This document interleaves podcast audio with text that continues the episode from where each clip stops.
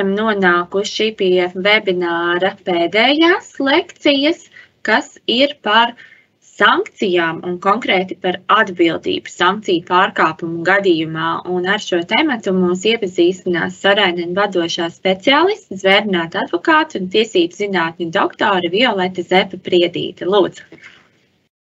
Labdien, webināra klausītāji! Prieks, ka esat vēl ar vienu tik kuplā pulkā, neraugoties, ka mēs jau diezgan ilgi šeit šodien prezentējam mūsu pārdomas. Uh, diemžēl esam iekavējuši laikā, un man jau pēc divām minūtēm būtu jābeidz mans runājamais. Tādēļ centīšos būt maksimāli īsa un maksimāli precīza tajās ziņās, ko, ko es jums vēlējos nodot. Tātad, kā jau Ieva pieteica, man, mans uzdevums šodien bija pievērsties atbildības jautājumiem tieši tā kā sankciju aspektā. Šķietami, varētu likties, ka šī tēma ir nu, teikt, kļūsi kaut kas jauns vai tāds ļoti īpašs, ievērības cienīgs tieši saistībā ar Ukrainas kara notikumiem.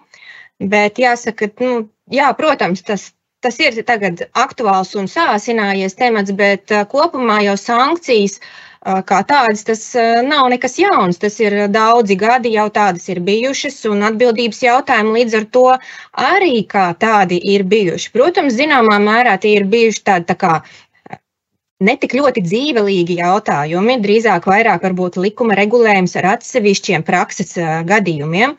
Lai vai kā, nu jā, tagad, tagad ir vēlme īpaši šim te jautājumam kaut ko sadzirdēt, pievērsties un tādēļ arī vairāk kaut ko saprast.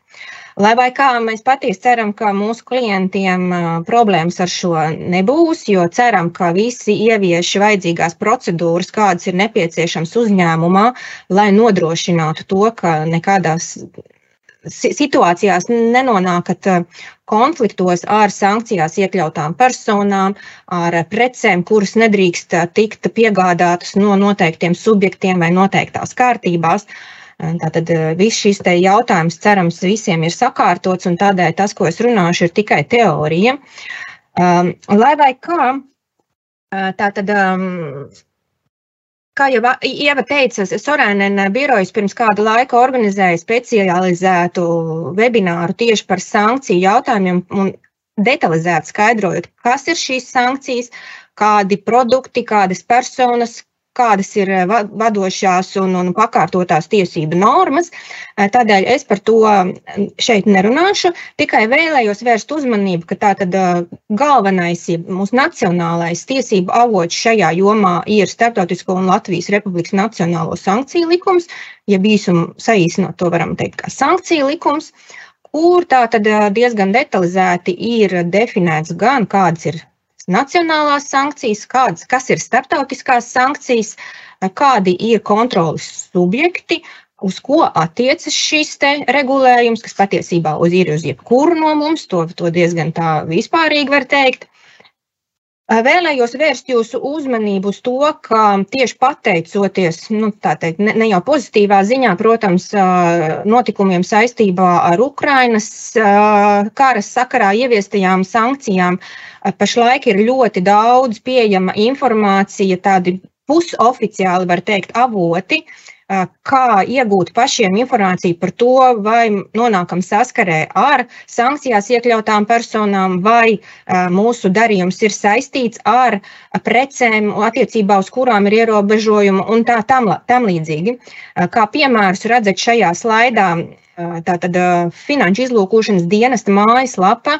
Un patiesībā, ja, ja es vēlējos akcentēt finanšu izlūkošanas dienestu kā vienu no iestādēm, kas, tā teikt, vismaz nu, no advokātu skatu punkta šķiet viena no redzamākajām Latvijā tieši, kas eh, atklāja to, kas tad īsti notiek Latvijā saistībā ar šiem sankciju pārkāpumiem, bet kas arī ir loģiski, jo finanšu izlūkošanas dienests kontrolē tātad eh, noziedzīgi iegūtu līdzekļu apriti, un, un faktiski jau um, nauda, kas nāk no sankciju darījuma vai sankciju personām, tā kļūst par noziedzīgu naudu lielā mērā.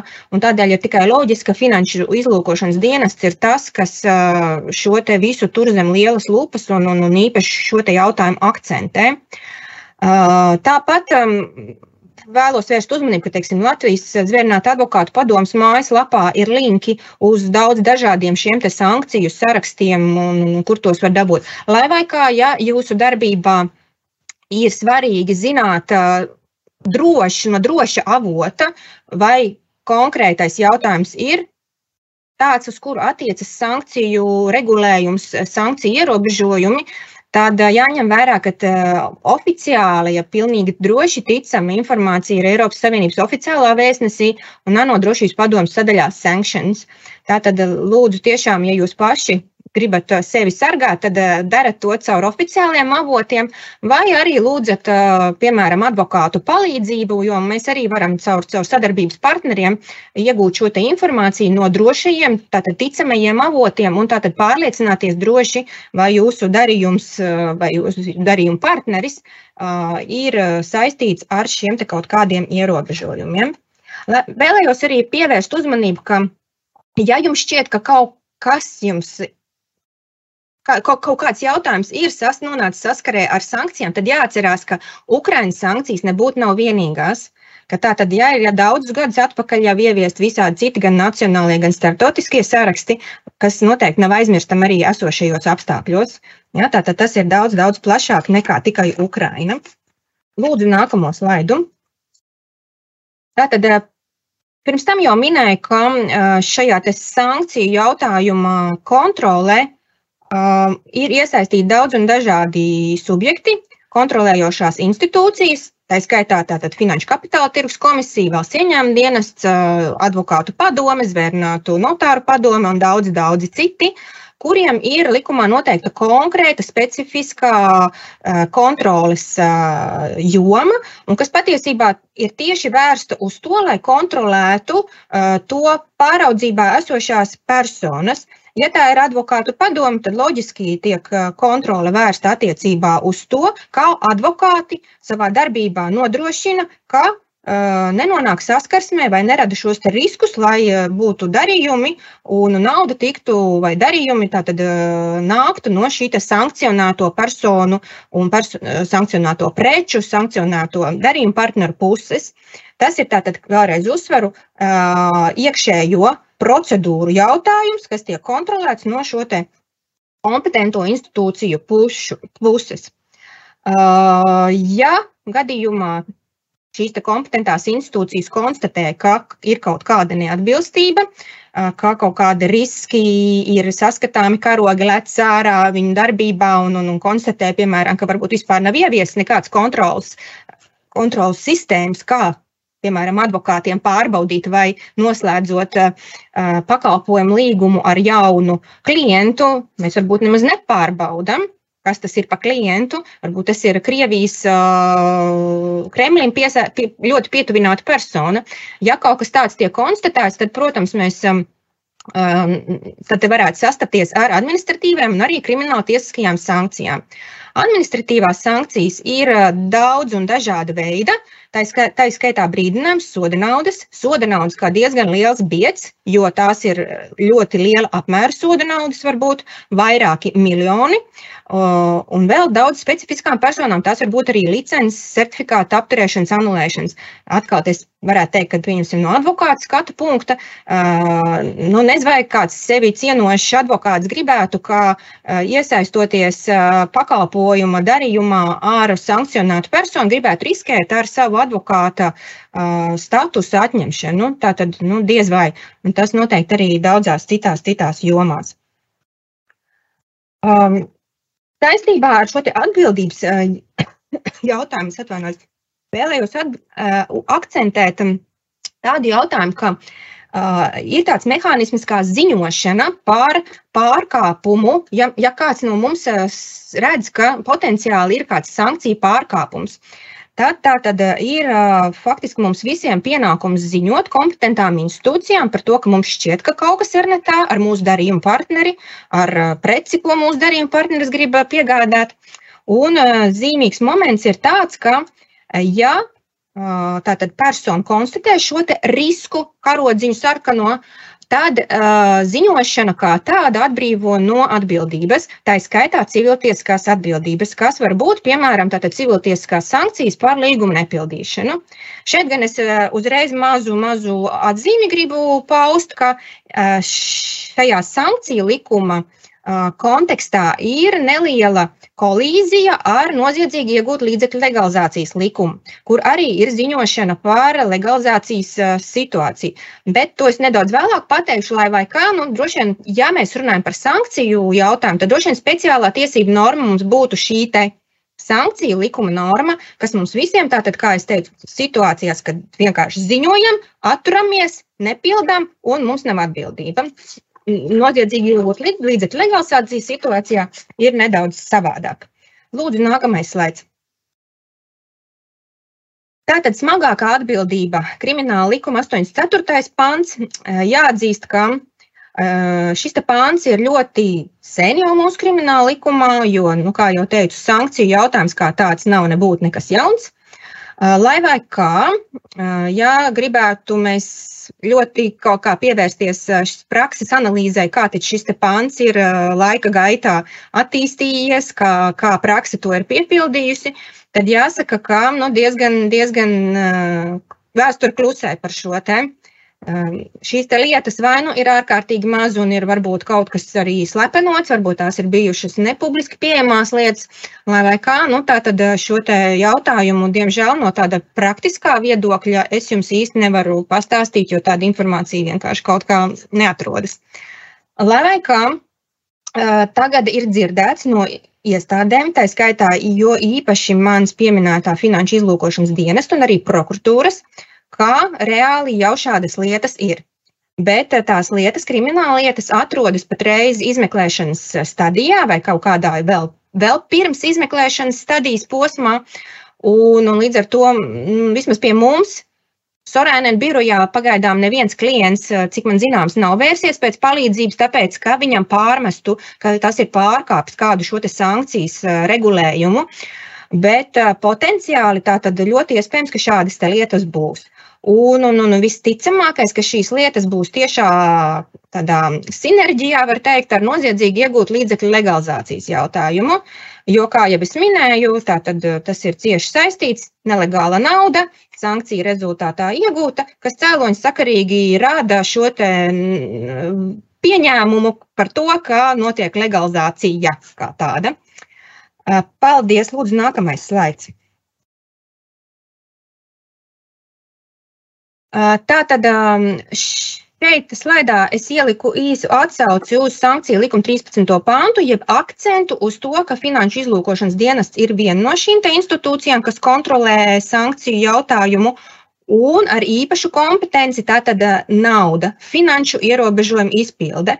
Tātad tas ir tas FID īpašais, īpašais kompetences apjoms, Un, un, un par to es tagad arī turpmāk nedaudz uh, sīkāk gribētu pastāstīt. Lūdzu, nākamais slaids. Tā tad um, faktiski mēs šeit, ja runājam par FIDU un sankciju savstarpējo to saikni, tad, kā jau minēju, tas ir noziedzīgi iegūt līdzekļu legalizācijas jautājums, kas ir krimināla likuma 195. pants. Un, un, un šai gadījumā, ja ir bijis iepriekš sankciju sankciju pārkāpums, par ko tātad atbildība bija iepriekš minēta 84. pantā, tad šis sankciju jautājums ir dēvējams par predikatīvo noziedzīgo nodarījumu. Un, un, un, un, un varbūt es pieņemu, ka visu to jūs zinat, bet Latvijā ir ieviesta tā sauktā all crime approach, kas nozīmē to, ka, ka predikatīvais noziedzīgais nodarījums var būt jebkurš noziedzīgais nodarījums. Turklāt um, tā pierādītības pakāpe par to, cik, cik ļoti esam pārliecināti par to, ka ir bijis sankciju pārkāpums, ir jā, nu, tāda stipri, stipri nedziļa. Tad mums tāda tad ieviešot Latvijā noziedzīgi iegūt līdzekļu legalizācijas tā dēvētās 5. un 6. direktīvu, Latvija ir šeit uh, uh, pieņēmusi to pieeju, ka tā tad darām maksimāli iespējamo visai sabiedrībai un valstī interesējošo, lai no aprits izņemtu melnu naudu. Paldies! Nākamais, lūdzu! Tā tad um, Kas notiek situācijā, ja uh, subjekts uh, konstatē, ka uh, iespējams ir situācija, kad darījuma partners vai prece ir saistīta ar kaut ko aizdomīgu un, un, un cēloņa sakarīgi arī ar tātad, mazgāšanu. Proti, tātad likuma subjekts pieņem lēmumu par atturēšanos no darījuma veikšanas un ziņot par to finanšu izlūkošanas dienestam. Jāatzīmē, ka atšķirībā no tā, ko es iepriekš teicu par sankciju likumu, kur sankciju likuma situācijā tātad ziņošana un, un vēlāk atbrīvošana no, no atbildības, tā skaitā civiltieskas, ir jebkurai personai, tad noziedzīgi iegūt līdzekļu legalizācijas likuma izpratnē šis te personu ziņotāju lokus ir šaurāks. Proti, tie ir likuma subjekti. Piemēram, mums ir bijusi nezinu, situācija, kad no darījuma tieši tāpēc, ka likās, ka darījuma partners ir kaut kas ar, sank ar sankcionētām personām saistīts subjekts. Atteicās pildīt līgumu, tātad civiltiesisku darījumu, un paziņoja par to savam darījuma partnerim. Mēs, ieskatoties šajā situācijā, konstatējam, ka mūsu klients patiesībā nav noziedzīgi iegūt līdzekļu legalizācijas likuma subjekts, proti tas bija vairumtirgotājs, preču vairumtirgotājs, bez kritērijiem, piemēram, kas būtu kredīti izsniedzēji, darījumi ar nekustamā īpašumu vai tam līdzīgi, kas ir šī likuma subjekti, bet tā tad vienkārši preču vairumtirgotājs, viņš tā nedrīkstēja darīt. Patiesībā nedrīkst tā vienkārši paziņot, es nepildīšu, un, un, un, un, un, un, un tāpēc, ka man šķiet, ka darījums ir aizdomīgs. Ir īpaša kārtība, kas ir paredzēta noziedzīgi iegūt līdzekļu legalizācijas likumā, proti, ir eh, jāziņo par šo situāciju finanšu izlūkošanas dienestam, bet neaturoties no darījuma, ja šis te nav tas likuma subjekts. Neaturoties. Un tātad FITS izlems, vai šis gadījums ir aizdomīgs vai nav. Un tikai tad, ja FITS izdos savu iesaldēšanas rīkojumu, tikai tad drīkstēs eh, atturēties no šī darījuma.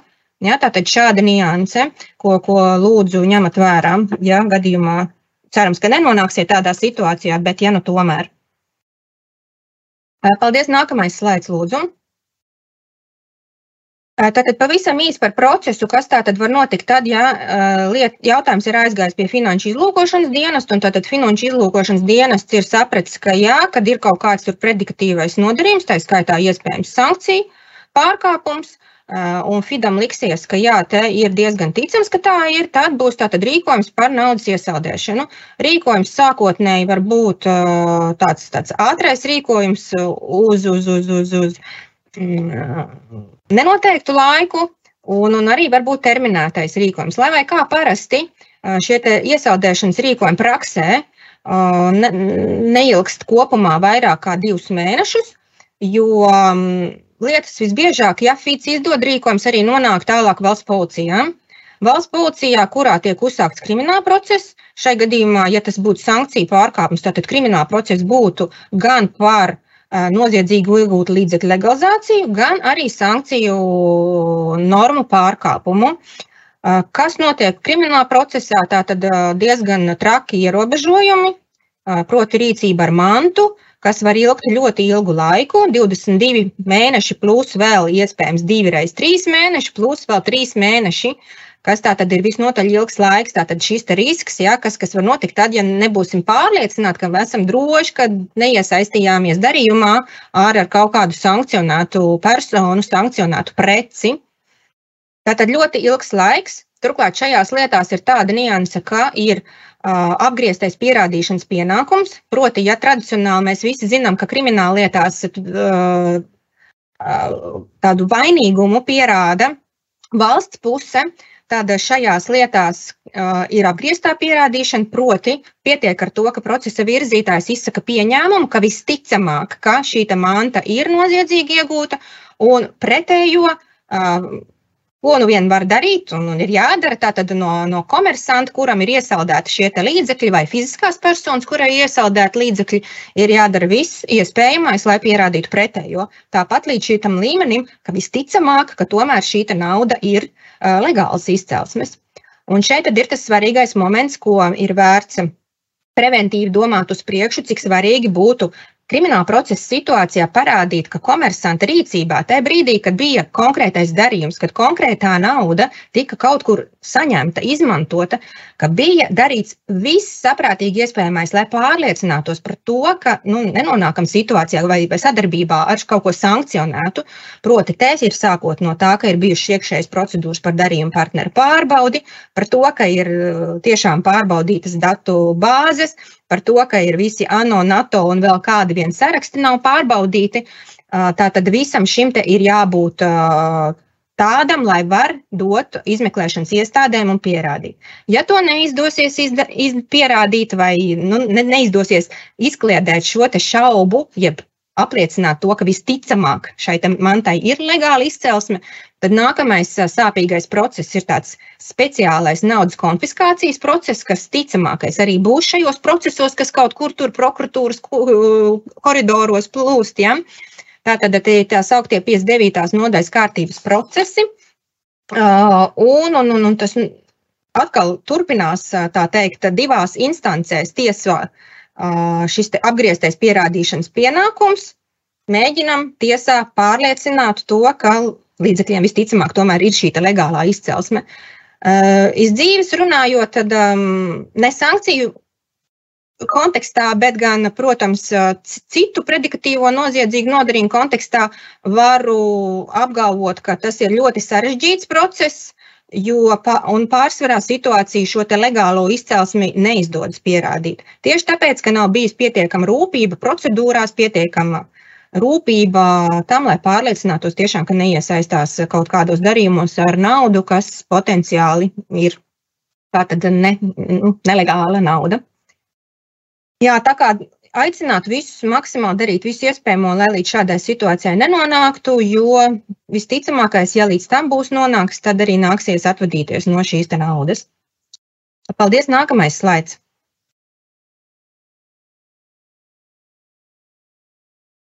Jā, patiesībā šis ir pats pēdējais, ko es um, ieliku šajā prezentācijā, bet tas ir tas, ko es jau vairākas reizes pieminēju. Tātad uh, sankcija likuma 13. prima panta prasības uh, visiem subjektiem, šī likuma subjektiem, uh, kā nepieciešamība izveidot iekšējās procedūras, novērtējumus, pārbaudis attiecībā uz to, lai izvairītos no jebkādiem riskiem saistībā ar šīm sankcionētām personām, saist, sankcionētiem subjektiem, produktiem un, un tā tam līdzīgi. Jā, tas arī tātad ļoti īsi, ko gribēju pateikt. Esmu jau sen pāri laikiem, bet priecāsimies atbildēt uz jautājumiem. Jā. Paldies, Violeta, par ieskatu šajā tiešām sarežģītajā un seku ziņā ļoti nopietnajā tematā. Ar jautājumiem un atbildēm ir tā, ka par visām iepriekšējām tēmām mūsu lektoris ir ļoti uh, apzinīgi un veiksmīgi atbildējušas uz uzdotajiem jautājumiem jau rakstveidā, tā kā aicinājums ieskatīties ko un neizsadaļā. sadaļā kur šīs atbildes ir atrodamas. Arī paldies Vitoļiņas kundzei, kas atbildēja pats vārdā. Taču ir ienākuši trīs diezgan saistīti jautājumi par sankciju tēmu, ko tad varbūt es varētu palūgt Violetai pāris minūšu laikā vēl adresēt, un ar to mēs arī beidzam. Violeta, kā tev ir ērtāk, es tev nolasu tos jautājumus, vai tu paskaties? Varbūt nolas, jā, ja es varēšu, jā. tad atbildēšu. Jā, būtībā tad eh, viens jautājums, kas man pašai likās interesants, ir par uh, regulu uh, 269, 200, uh, 2014, kur uh, sankciju sarakstā bez tieši sankcionētām personām ir minēts arī saistītās personas, associated entities. Vai tas nozīmē, ka arī ar šīm saistītām personām nedrīkst sadarboties? Es neņemu tos apgalvot uzreiz tā, ka noteikti nedrīkst apgalvoties, bet katrā ziņā tas ir viens no ļoti sarkaniem karogiem. Pilnīgi noteikti. Un, ja lieta aizies līdz tam uh, krimināla procesam un FID iesaldēšanai, un vēl trakāk līdz tiesas procesam, šis ir viens no apstākļiem, kas jums būs pilnīgi noteikti jāvar pa pamatot. Kāpēc jūs tomēr šo te nesaskatījāt par risku? Pilnīgi noteikti. Skaidrs. Un tad ir precizējošs jautājums. Tu minēji, ka mūsu tajā minētajā piemērā vairumtirgotājs nav likuma subjekts, bet kā ir ar preču mazumtirgotāju? Varētu būt. sankciju Ja, ja noziedzīgi iegūt līdzekļu legalizācijas likuma izpratnē, domāju, ka nē, ka tas nu, teiksim, vienkārši pārtiks preču tirgotājs nebūs tā likuma subjekts. Nu jā. nē. Un visbeidzot, jautājums, kas arī iespējams varētu būt daudziem aktuāls, kas šķiet gan sajā, sasaucas ar tevis pieminēto pienākumu veikt atbilstības pārbaudi, bet nu, ko darīt? Hipotētisks piemērs, ja darījums jau ir noslēgts 2. martā, un pēc tam atklājies, ka izrādās tas sadarbības partners no 28. februāra ir jau bijis sankciju sarakstā, bet acīm redzot, nav bijis pamanīts darījuma izpildes brīdī. Jā, es teiktu, nekavējoties tomēr vērsties pie tās kompetentās institūcijas. Ja tas darījums ir tiešām saistīts ar finansēm, tad tas ir fin finanšu izlūkošanas dienests. Dariet to, jo jebkura veida ziņošana, pat ja laika ziņā novēlot, un ja jūs spēsiet pamatot, ka nokavējāt, uzreiz nereaģējāt, tāpēc, ka, nu, bija kaut kādi iemesli, tas ir noteikti labāk nekā vienkārši censties par to aizmirst. Skaidrs, tā tad noteikti nevajag izlikties, ka nekas nav noticis, bet labāk ir rīkoties un ieviest atbilstību kaut vai pēc tam. Labi, nu tad ar nelielu novēlošanos pēc saraksta, par ko es visiem atvainojos, mēs tomēr noslēdzam šīs dienas webināru. Šeit ir redzamas visu lektoru e-pastu adreses, nu tie lektori, kas ir no Sarēnena advokātu biroja. Tā kā aicinu, ja ir kaut kāds aktuāls jautājums radies par šīm tēmām, uz kurām, uz kuru neradāt atbildi webināra laikā, tad aicinu ar mums sazināties pa e-pastu vai, protams, var arī mums zvanīt. Mūsu telefoni ir Sarēnena mājaslapā pieejami. Novēlu jauku atlikušo dienu un uz tikšanos nākošajos Sorainen webināros. Ah, un vēl pēdējā piezīme būs arī pieejams webināra ieraksts un visiem reģistrētajiem dalībniekiem tiks nosūtīti webināra slaidi. Paldies un uz tikšanos! Visu labu!